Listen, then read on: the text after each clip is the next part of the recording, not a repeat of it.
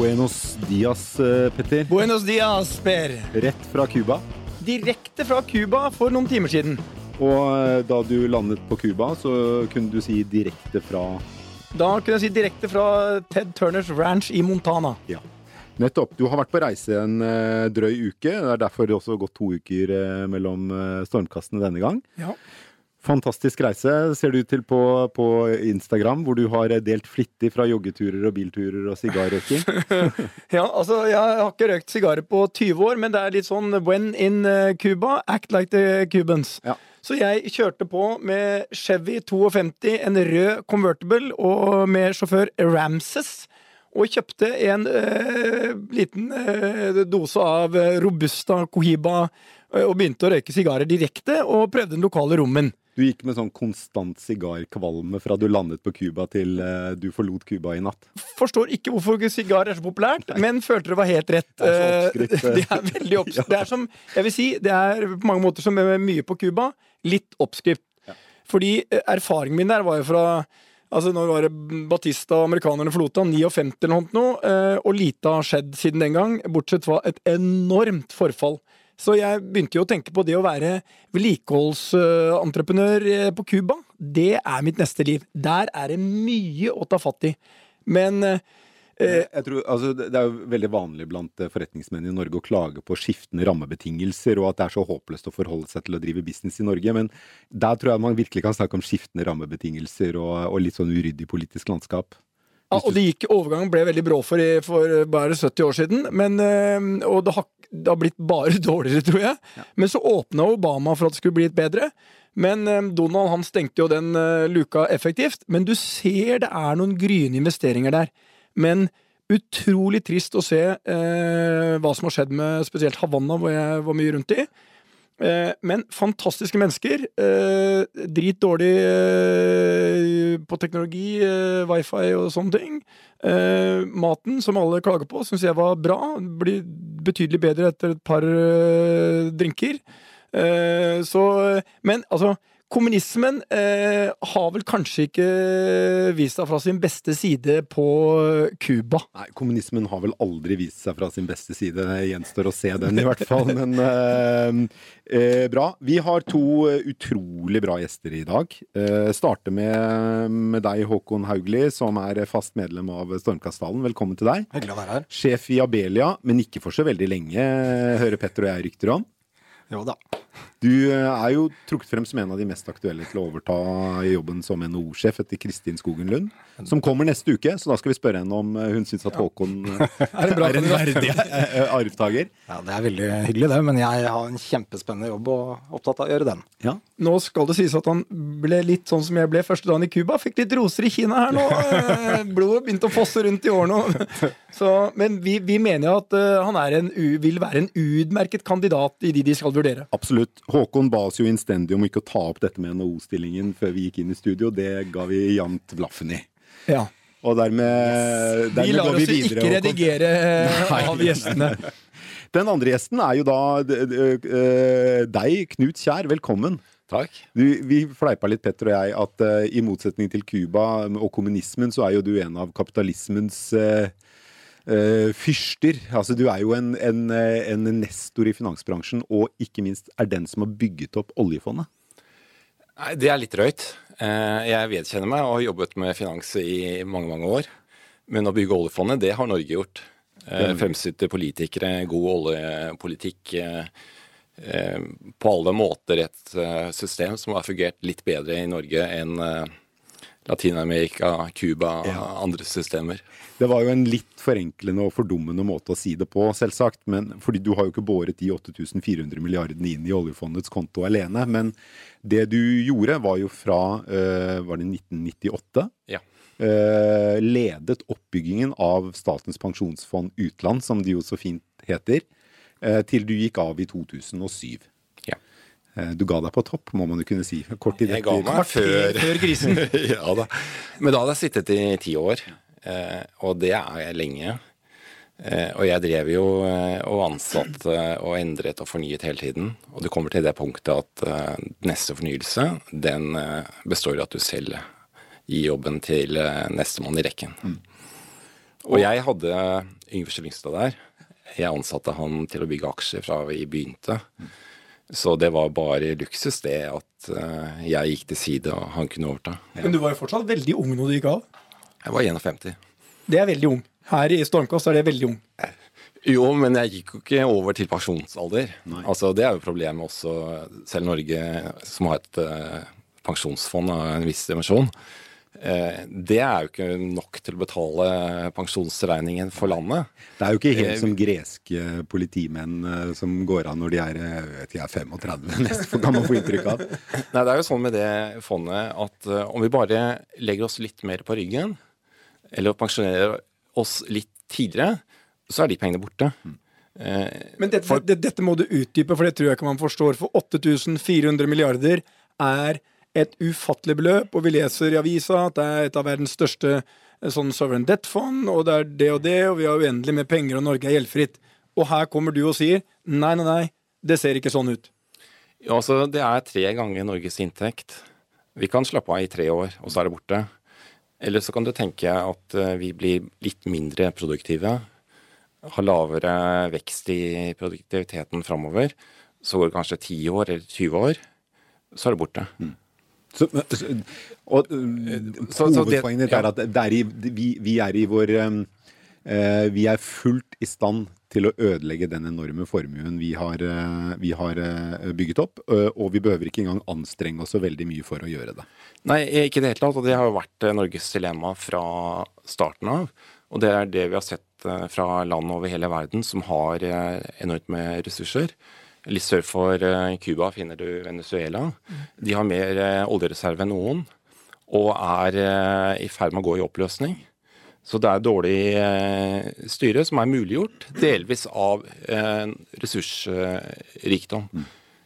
Ok, før vi, før vi går videre inn på oljefondet, for det er dagens tema. Oljefondet og hvordan vi forvalter oljefondet, og farene du bl.a. ser i, i eh, gjeldsoppbyggingen globalt og lavrenteverden vi har hatt eh, etter finanskrisen. Skal komme tilbake til det, men bare tenkte å plassere deg litt hvor du er nå. For du, som du selv sa, du gikk ikke av med pensjon da du sluttet i oljefondet.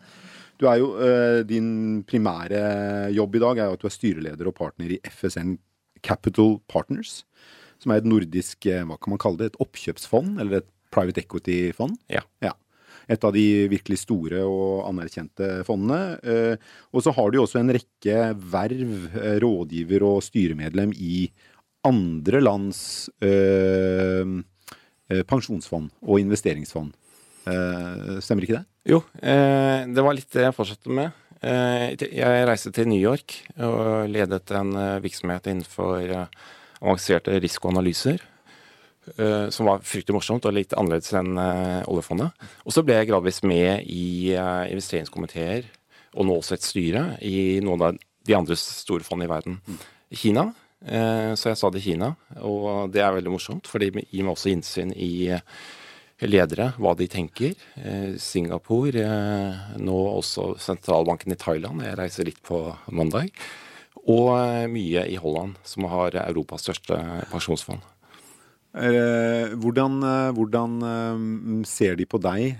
Du er jo riktignok fra et lite land øverst i nord i Europa, men har ledet det som i dag er det største investeringsfondet i verden. Hva, hva, hva, det, hva tenker de når du begynner å prate rundt dette bordet? Nei, altså jeg opptrer jo deg som en privatperson som jeg er. Jeg kommer kanskje inn i de første diskusjonene basert på den bakgrunnen.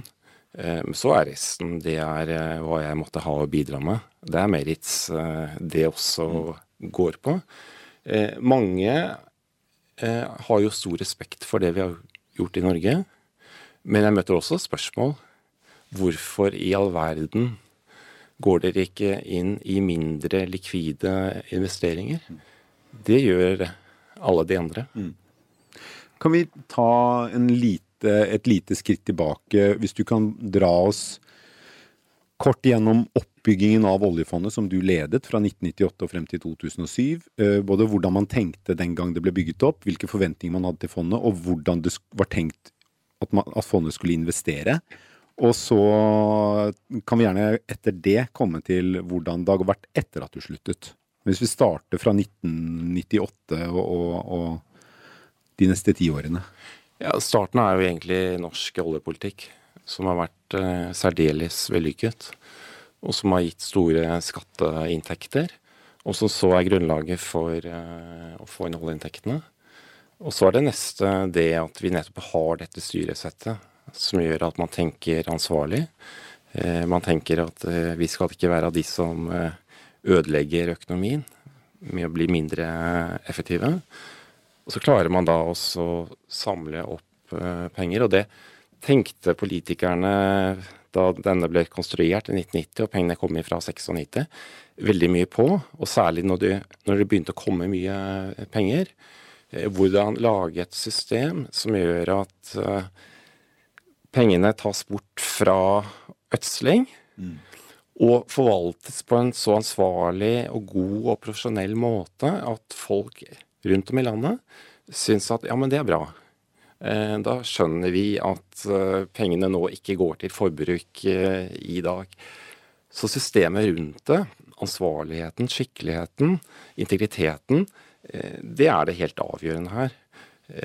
Også at man lager en ordning hvor rammene, risikoen, ligger i Stortinget på vegne av oss alle. Så håndheves det av Finansdepartementet med å sette noen eh, rammer videre til Norges Bank.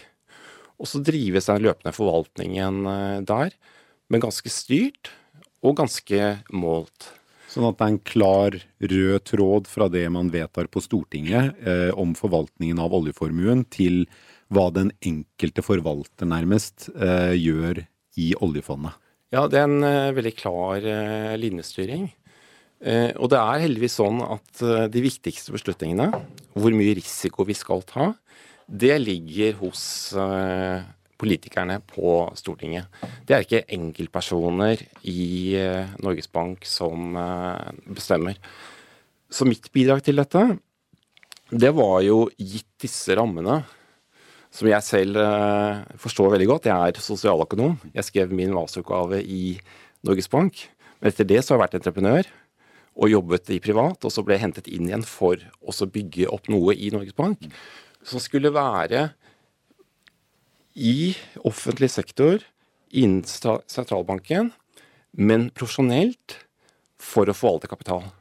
Og det er noe ganske annet enn å drive et sentralbank. Mm. Så min rolle var egentlig, eh, med noen kinesiske murer til resten av banken, lage et Ja, du brukte ordet kapitalist. Mm. lage et miljø som drev rent forretningsmessig, gitt de rammene utenfra. Og de er veldig, veldig klare. Det, det, var, det, er jo en litt, uh, litt, rar konstruksjon det der, at man legger et sånt investeringsfond inn under en sentralbank. Uh, var det noe man tenkte på den gang? Var det mest bare et sted må det være. Norges Bank har greie på kapitalforvaltning og penger inn og ut av kontoer, så vi gir det til Norges Bank. Var det, var det lite gjennomtenkt, eller var det en klar idé? Bak? Nei, det var veldig gjennomtenkt. Og det var en uh, arbeidsgruppe i Norges Bank som uh, på forhånd gjorde en vurdering. Skal vi ta imot et oppdrag om det kommer? Og svaret var nei. Norges Bank sa nei? Ja. Det, denne, dette utvalget i Norges Bank fordi at dette kunne jo ødelegge renommé. Mm. Ja, hvis det gikk galt i oljefondet, så kunne dette påvirke ryktet til Norges Bank i, internasjonalt? Eh, ja, og i Norge. Ja, og for, for i Norge, at, eh, Norges Bank har jo en fantastisk viktig rolle med å drive utøve pengepolitikken. Det er åpenbart at de har et annet syn i dag. Eh, ja, for i dag vil de jo veldig gjerne beholde det. Ja, men det, det, det, er, det er, en litt annen diskusjon. Mm. Eh, men, men, det, å mange det, diskusjoner her, Knut. Og, og jeg, jeg bare, ja. Men, men du, nå, nå, nå, prater du som den fantastiske sosialøkonomen du er. Men eh, du har jo også kommet med en del uttalelser som jeg syns er spennende. I september sa du til DN at eh, oljefondet må gå i krisemodus. Nå har du stått her og pratet til oss, og alt virker fantastisk. Det er gjennomtenkt, du har vært med og bygd opp. Det står i klar kontrast til den uttalelsen. Hvorfor sa du det? Nei, altså, jeg mener det jo. Er eh, åpenbart. ja. du virker som en mann som tenker godt gjennom hva du sier. Eh, ja da. Eh, altså, Veldig mye av den modellen har vært utrolig bra. Også det å begynne i Norges Bank, til tross for at man internt var skeptisk, så var det helt riktig å gjøre det. Og de ti årene jeg drev det der, så hadde jeg ikke et sekund tanke om at det burde være på utsiden. Det var veldig bra i oppstartingen. Men det var også kjempeviktig at vi fikk bygge vår egen kultur. For den er annerledes. Men så skulle vi også ta inn det beste av sentralbankkulturen. Eh, Integritet, skikkelighet, grundighet. Det er også veldig viktig. Så ja, Petter. Krisemodus. Eh, Denne verden, eh, etter oppryddingen av finanskrisen, med den mest eh, ekstreme pengepolitikken man noen gang har sett, lav rente over ti år, oppbygging av gjeld, det ser ikke veldig bra ut framover. Og det norske oljefondet, det dundrer går med 70% i aksjer, som om ingenting skal skje. Men bare viktig, når du Ja. var der, så var det knappe 50. Ja, vi begynte på eh, opp til 40. Og så, før finanskrisen, og det høres jo ganske dumt ut, så anbefalte vi å gå opp til 60. Eh, men eh, det er sånn lang diskusjon hvorfor, eh, hvorfor egentlig det. Men det kom ut også veldig bra. Norge var største kjøper av aksjer i verden til lav pris. Under, Etter krisen. under, under krisen. krisen, ja. Under krisen. De kjøpte vel for halvannen milliard per dag en periode? Ja, jeg kan ikke de, de tallene. Eh, og så eh, var det da utredninger og diverse. Eh, Norges Bank selv anbefalte å gå til 75 i, i aksjer. Eh, som ligger bak at man nå skal opp til 70.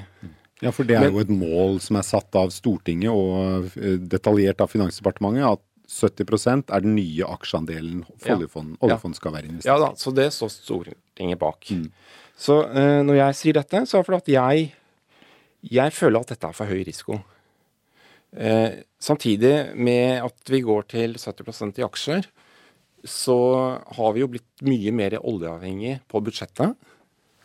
Eh, og vi har lært mer om samvariasjoner eh, mellom oljepris, budsjettets utgifter og inntekter. Så risikoen må vi se på som mer enn hvor mye aksjer vi har. Vi må se på helheten. Hvordan vil en internasjonal, internasjonal krise påvirke oss totalt sett på statens balanse? Og Der er oljefondet en viktig del. Nå kommer det ikke mer penger inn på fondet, eh, og det er annerledes enn før. Da må man også tenke på en, på en annen måte.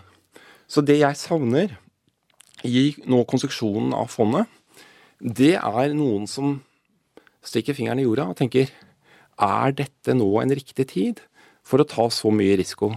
Og vi har ikke det i vårt system. Eh, Vi har noe som er veldig bra, som er at eh, strategien er forankret på Stortinget. Det er langsiktig. Og så har vi noe som er bra, som er at eh, Norges Bank er ansvarlig.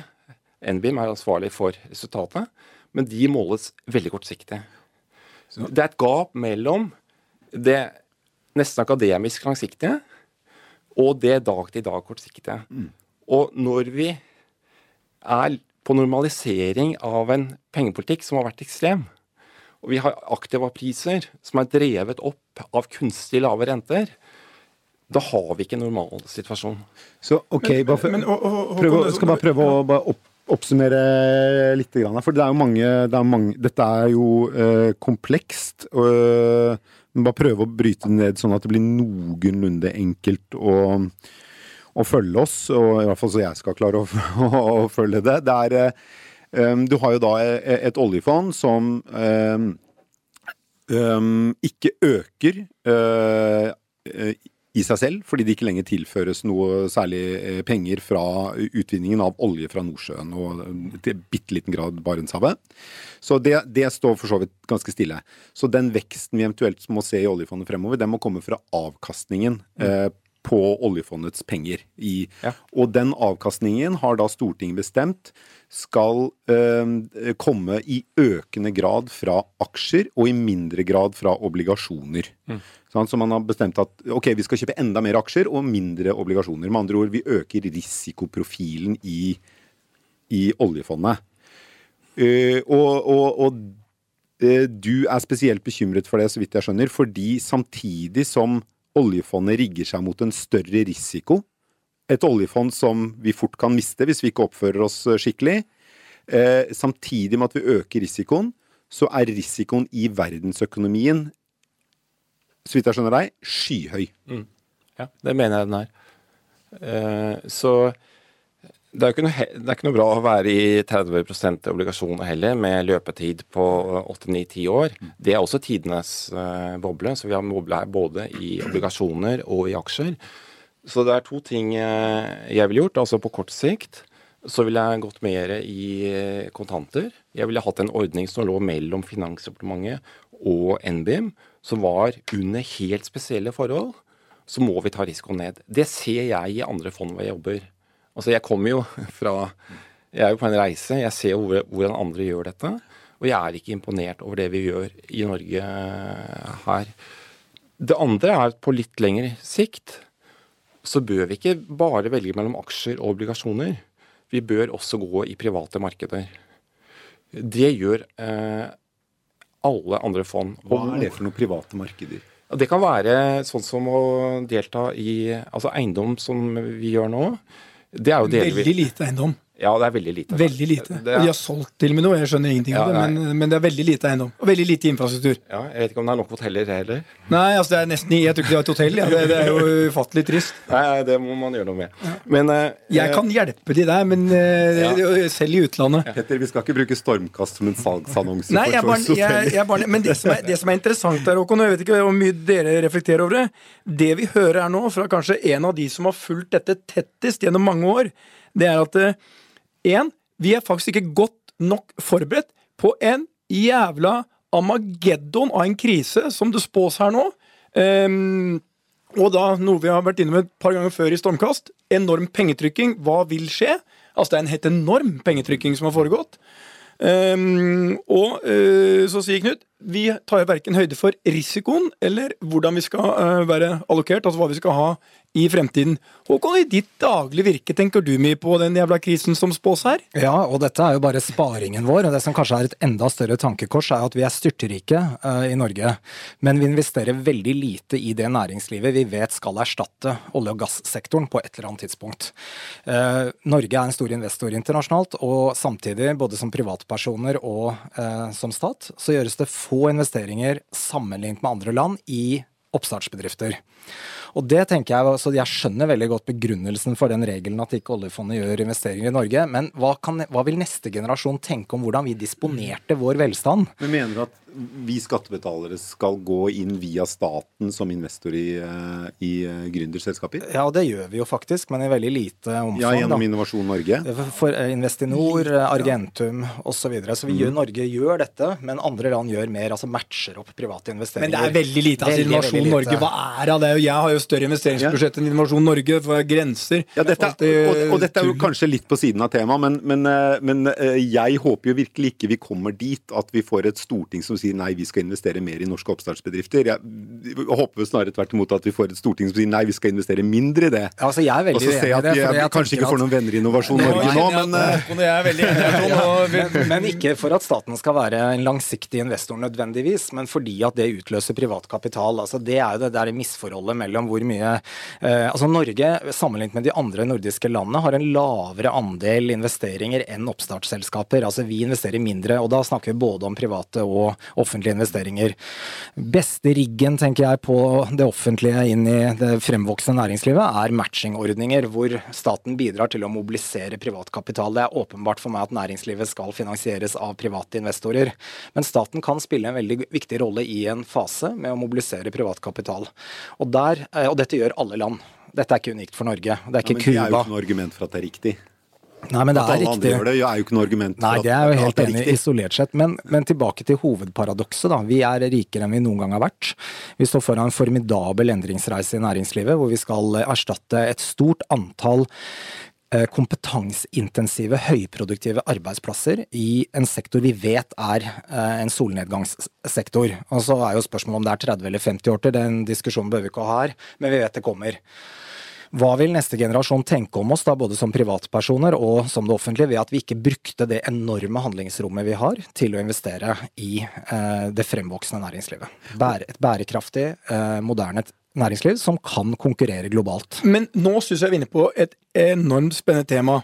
Og da, jo, da har vi en her som kan svare på det. Så Knut, jeg har et enkelt spørsmål til deg.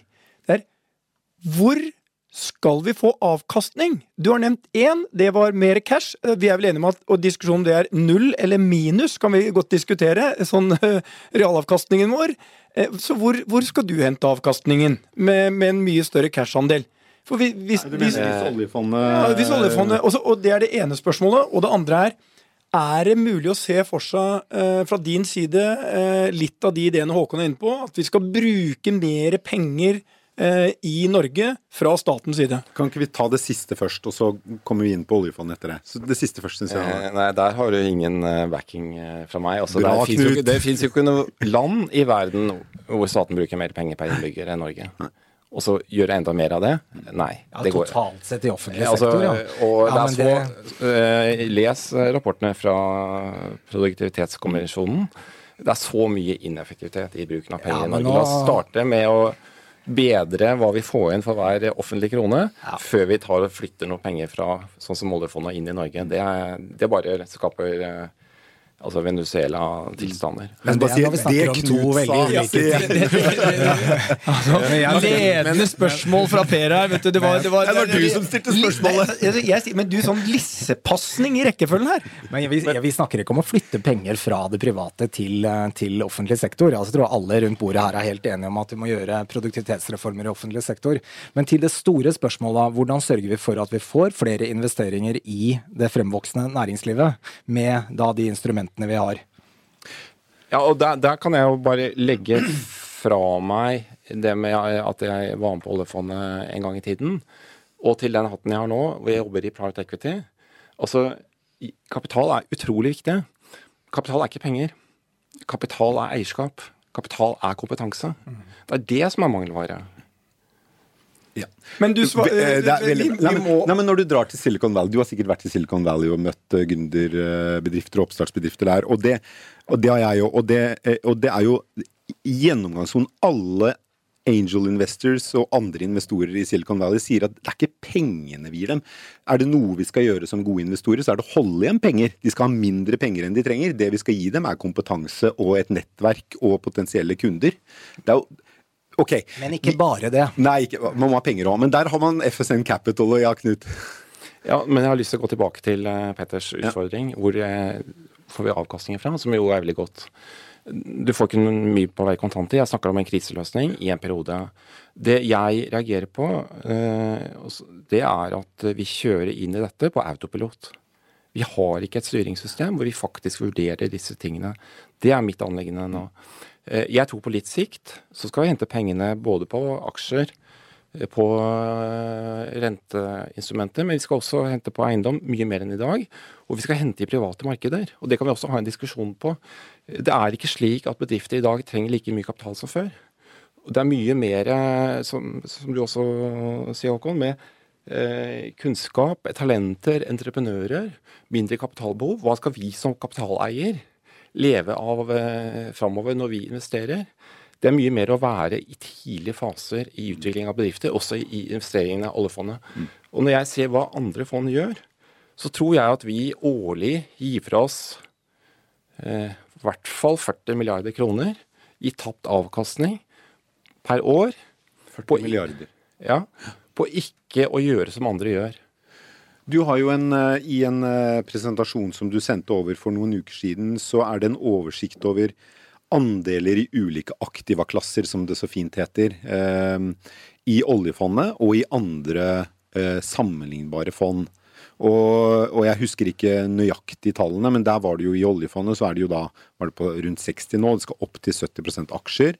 Så var det en 25 eh, så vidt jeg husker, obligasjoner kanskje. Og så resten var noe næringseiendom eh, rundt omkring eh, i den vestlige verden for det meste. Mens i andre fond som er trukket frem som best practice-eksempler, så er det mer 35-45% aksjer. Uh, kanskje ikke noe særlig mer i obligasjoner, men det er den resterende delen som skiller andre fond fra oljefond i hovedsak, og det er investeringer i tidligfaseselskaper, i infrastruktur, bygging av veier, broer osv., og, og, eh, og andre eh, investeringer som du ikke kan kjøpe og selge på en børs. Ja, ja. Og det er det du i all hovedsak mener at oljefondet bør gjøre mye mer av for å spre risikoen, er det ikke det? Altså, vi er i perfekt posisjon til å kunne gjøre dette. Fordi at uh, det er en stor kapitalbase, uh, og vi har veldig lang tidshorisont. Vi har mulighet til å bygge ekspertise til å være blant de beste i verden på dette området. Det klarer andre. Eh, hvorfor skal ikke vi gjøre det i Norge? Er det det kineserne holder på med, med infrastrukturinvesteringer i Afrika og øh, Nei. Nei, nå rister Knut veldig på der. Det, det, det, var, Nei, det, det er litt du, forskjellige ting du, var, du satt jo i Kina og tenkte dette var Jo, jo men eh, du vet her, Kina er eh, mangefoldig, og her snakker vi om lånefinansierte investeringer over en lav sko, nesten, som har en annen logikk enn den investeringslogikk. Men det som er riktig, er at det er jo enormt behov for infrastruktur over hele verden. Samtidig som at uh, vi også framover ikke kan vente å få veldig mye uh, avkastning på obligasjoner. Det er en fornuftig overgang fra obligasjoner til infrastrukturinvesteringer. Men det krever kompetanse. Uh, alternativt å kjøre sånn som i dag, det har noen attraktive sider. For da kan du klare deg med få mennesker. Du kan klare deg med et styre som ikke har veldig mye av denne type kompetanse. Og du kan følge en forvaltningsmodell som til nå har fungert rimelig bra. Ja, Det er å ligge tett på indeks og ligge mye i aksjer. Ja. Når, når, man da snakker om infrastrukturprosjekter, bygge broer og veier osv., er, det, er det da f.eks. sånn at oljefondet etter din mening burde gått inn og sagt at OK, eh, bygge en vei mellom si London og Liverpool, da, en ny motorvei mellom London og Liverpool.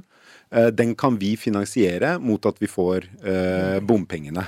Er det den type business eh, du ser for deg at oljefondet kan drive? Ja, sammen med andre tilsvarende store fond. Mm. Eh, det typiske er jo at man ikke gjør det alene. Mm. Man gjør det sammen med andre.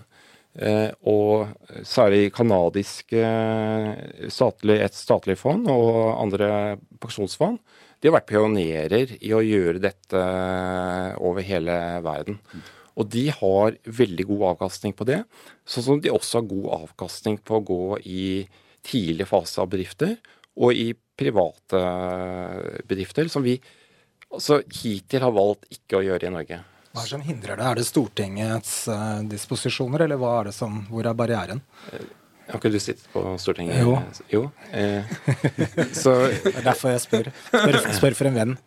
Nei, jeg, jeg, jeg, tror eh, Altså, jeg har ikke veldig god eh, teori eh, på dette, annet enn det er noe bra med ting som fungerer. Og så har vi hatt en forbausende dårlig evne til å dra rundt i resten av verden og lære av de beste. Vi slår oss på brystet og så sier vi at vi skal være verdens best forvaltede fond. Det er liksom målsettingen til Finansdepartementet. Men vi kan aldri lese i deres dokumenter noe som helst om hvordan vi gjør det i forhold til de andre i verden. Det måles ikke. Det står ikke et ord om det i disse perspektivmeldingene, som de heter?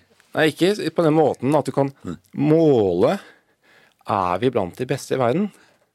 Altså, hvorfor går vi ikke ut og lærer, men bare skal bygge opp uh, på egen hånd?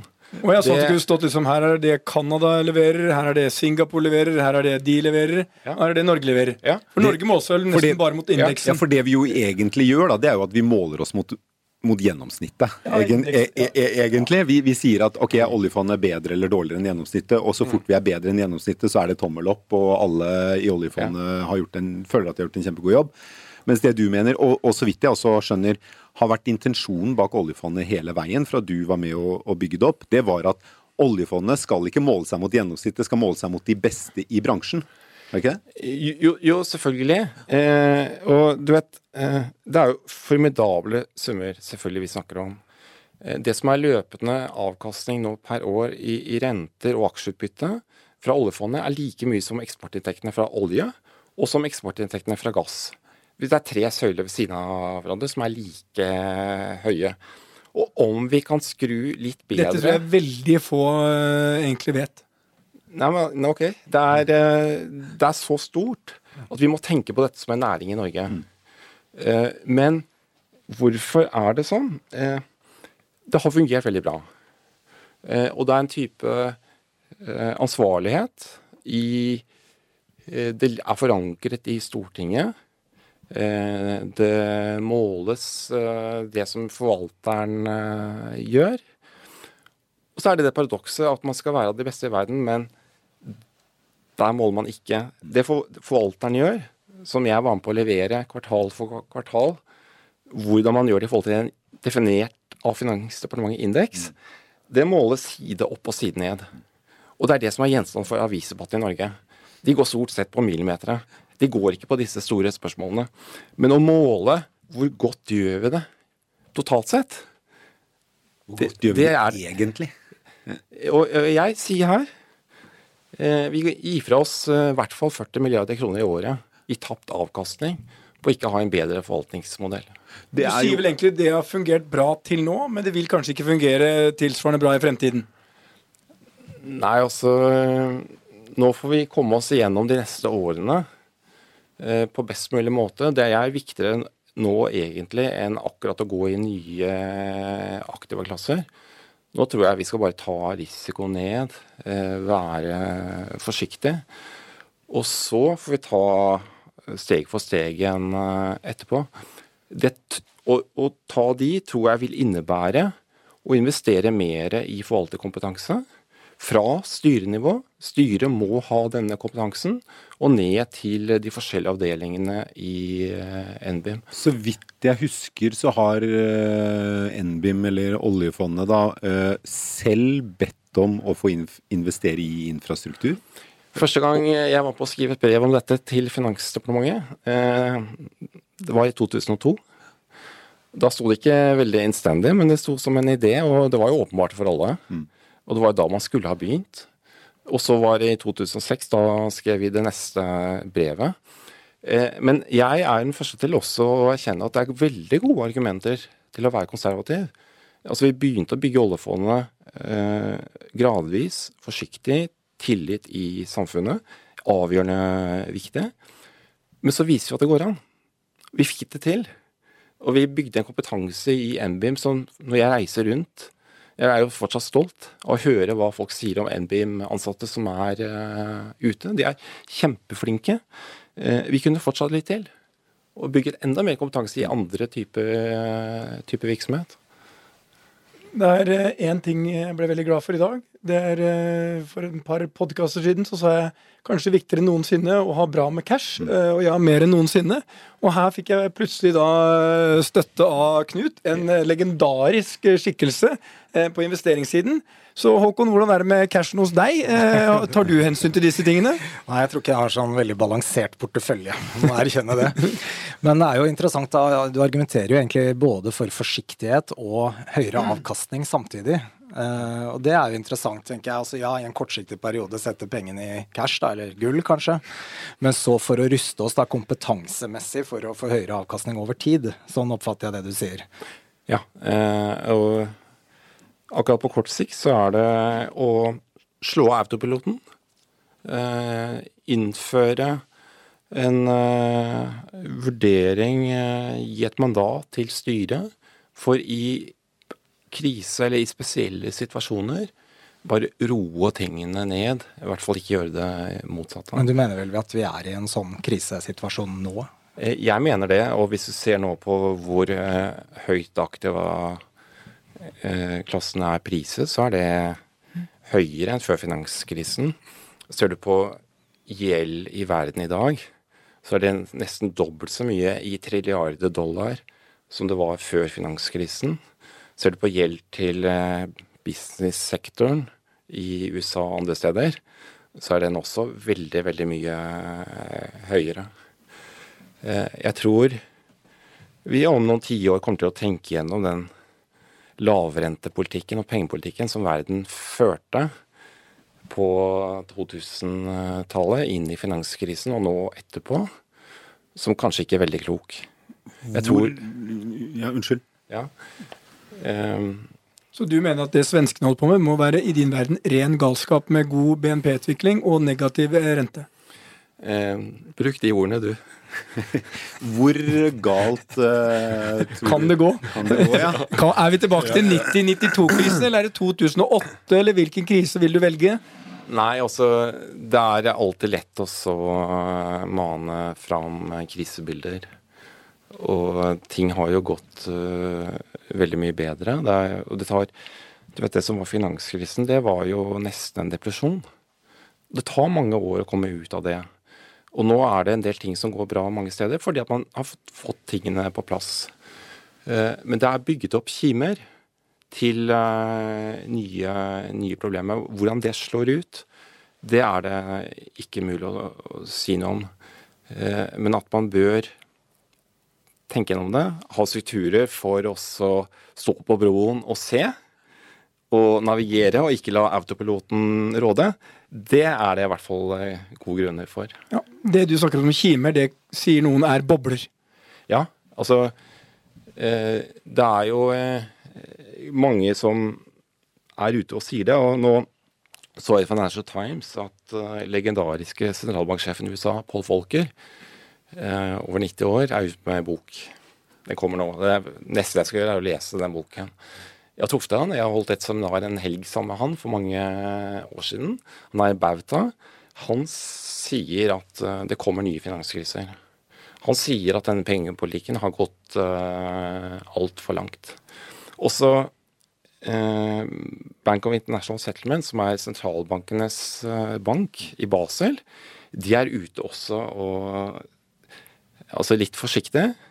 Dette er eh, fragile, altså usikkert det er mye mer gjeld i systemet enn det som eh, sannsynligvis er, eh, er, godt. Men i alle disse scenarioene du nå beskriver, så må vi vel være enige om én ting. Det er kanskje ingen land i verden som er bedre rustet og har bedre forutsetninger for å lykkes uh, fremover enn Norge. Vi er i en unik finansiell situasjon. Um, så hvis vi bare gjør de rette valgene og rette prioriteringene, så bør dette gå ganske bra. Og da blir det kanskje litt penger til Håkon og mitt prosjekt om å investere mer penger i Norge og ikke selge kraftverk og, øh, og sånt. Og så liker jeg det du var innom, folk må kanskje lese mer også. Du vet, Jeg har jobbet eh, elleve år av mitt liv innen sentralbanken, ja. så jeg er alltid bekymret.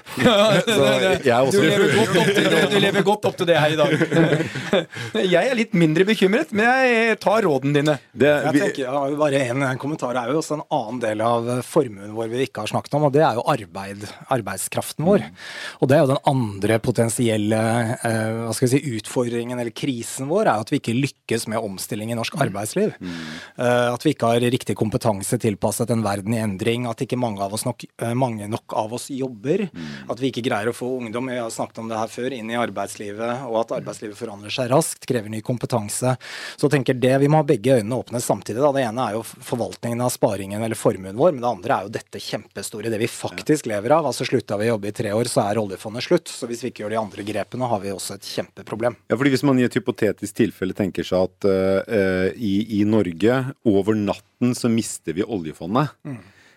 Det første eh, regjeringen og Stortinget måtte gjøre, var jo å kutte statsbudsjettet med 20 ca. Eh, eller begynne å låne penger igjen fordi Norge er gjeldfritt. Men eh, når den hestekuren var over, så ville jo Norge vært et veldig rikt land, men mer som alle andre. Mm. Det store unntaket nå er jo at vi, vi, klarer, vi kan tillate oss en del luksuser gjennom den oljeformuen som hvert år kommer inn i statsbudsjettet. Eh, og vi er tryggere på at vi kan takle eldrebølgen som kommer inn over hele den vestlige verden pga. oljefondet. Mm. Det var interessant med oljeprisfallet at det viste hvor uh, oljeavhengige vi er. Fordi det er jo ikke bare de som jobber direkte med olje og gass som ble berørt. Altså Bensinstasjoner og kiosker i Stavanger er også en del av olje- og gassektoren i Norge. Så veldig mye av vår tjenestesektor er også veldig sterkt berørt av eh, oljeprisen. Så vi har en sånn dobbel avhengighet. Da. Vi er avhengig av oljeinntektene, men vi er også i tillegg avhengig av oljefondet, altså de, den handlingsregelen. Så klart det ville være en hestekur vi ikke er forberedt på i det hele tatt. Og jeg tenker i hvert fall, eh, Vi lager et årlig sånn omstillingsbarometer da, hvor vi ser på hva er de innsatsfaktorene som blir kjempeviktige for Norge, uavhengig av alt annet. da. Og Det er kompetanse, entreprenørskap, evne til å ta i bruk ny eh, teknologi, og så er det forskning og innovasjon. De faktorene ligger fast uavhengig av disse svingningene, og det er viktig at vi som samfunn investerer i og bruker eh, altså Diskusjonen om formuen vår bør handle om arbeid, da, for å si det litt enkelt. Ja. Det, øh, vi øh, bruker denne gang øh, mer tid enn vi hadde trodd, og det er jeg glad for at vi har gjort. men la, vi, mange av lytterne våre kommer jo til å høre på dette på vei inn i helgen. Så for å gi dem Det er ikke sikkert, men man kan jo håpe at vi kan gi noen oppløftende ord på vei ut av sendingen. Da. Knut, om ti år, eh, hvordan står det til med, med Norge og, og, vårt store pensjonsfond utland? Det kommer til å gå kjempebra. Eh, og jeg tror eh, det som driver Norge fram eh, også på veldig lang sikt, det er denne evnen til å ha høy grad av sosial tillit i samfunnet. Og samtidig veldig effektiv eh, business. Mm. Den kombinasjonen er, eh, altså Den nordiske modellen er unik, og det er den vi skal leve av eh, framover også. Mm. Det var vel det vi kaller maksimal entusiasme for fremtiden fra en eh, tidligere sjef i oljefondet. Det er bra. Da er det ja. ukas bær. Jeg syns det smalt av denne siste her sånn. Jeg tolket det veldig positivt. Her kan vi bare slappe av, senke skuldrene og kjøre på videre. En halvtimes pisking, og så runder vi av, runder vi av med et glass champagne på tampen. Ja, en, en sigar. Ja. Investeringer er viktig, Petter. Det har vi jo snakket mye om i dag. Eh, og det tenkte også ordføreren i Tokke kommune, som hadde en idé om at eh, en badstue på eh, Telemarkskanalen, det var en topp. Og det kan man jo for så vidt uh, tenke at det er. Dette skulle da Tokke kommune, for de som ikke vet det, det er uh, liksom endestasjonen på Telemarkskanalen. Det er der du tar båten til, og så snur du. Det er vel der Dalen hotell ligger også, så vidt jeg husker. Er, er det ikke det? Jo, det er, det er, relativt bra nå. Ja, ja. bra. Og, og uh, Tokke kommune og Telemarkskanalen ble da enige om å bygge en fantastisk badstue nede på vannet. Så langt så liker jeg alt du sier. Du gjør jo det, ja. selvsagt. Dette handler jo om å gjøre Tokke kommune og det området mer attraktivt for turisme. Eh, dette blir en Instagram-hit, sa ordføreren eh, i Tokke eh, kommune. Fremoverlent type? Fremoverlent type. Han Så nå finner jeg ikke Jaran Felland heter ordføreren i Tokke kommune. Ja. Han hadde veldig tro på dette prosjektet sammen med Telemarkskanalen. Nå står den der, eller ligger der, flyter der på Telemarkskanalen. Den ser fantastisk fin ut, da. Vi har jo bilde av badstuen foran oss her. Men de glemte en ørliten detalj. Eh, og det var at eh, ovnen i denne badstuen var ikke rigga for å få opp temperaturen til badstuetemperaturer. Det var maks 60 grader når du fyrte som bare det. Da fikk du den opp i 60 grader, men det gjør ingen badstue. Da må du opp i 90 grader. Så det var, eh, det var en liten tabbe der. Og så Før du tar tabbene, hvem av oss kan mest om spavirksomhet og badstuer? Ja, det kan du. Jeg liker verken spa eller badstue. Jaran Felland eh, han bør nok ta et råd som kom fra, nå, fra meg her nå. Eh, dette er blitt døpt Soria Moria. Og hva er Soria Moria, Per? Det er en luftspeiling, eller det er vel et slott uti der som ikke slott. eksisterer? Og det, eh, Hvis man ser på arkitekturen og alt man har bygd i Tokke, så er det et eh, fantastisk arkitektonisk Det er en perle. Og så er det bare å vite én ting.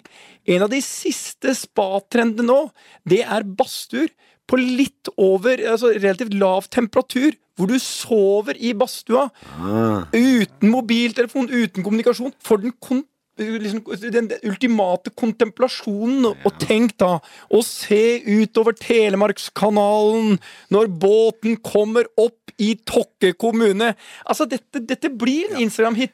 Hvis du bare ikke tenker på at badstue skal være 100 grader og piske seg med bjerkelau. Men klart, sitter du i Oslo 2, som du gjør, Per, så tenker du ikke på muligheten som fins. Det er bare én ting. De tenkte for tradisjonelt. Jeg tror Tokke kommune her har en helt unik Instagram-hit.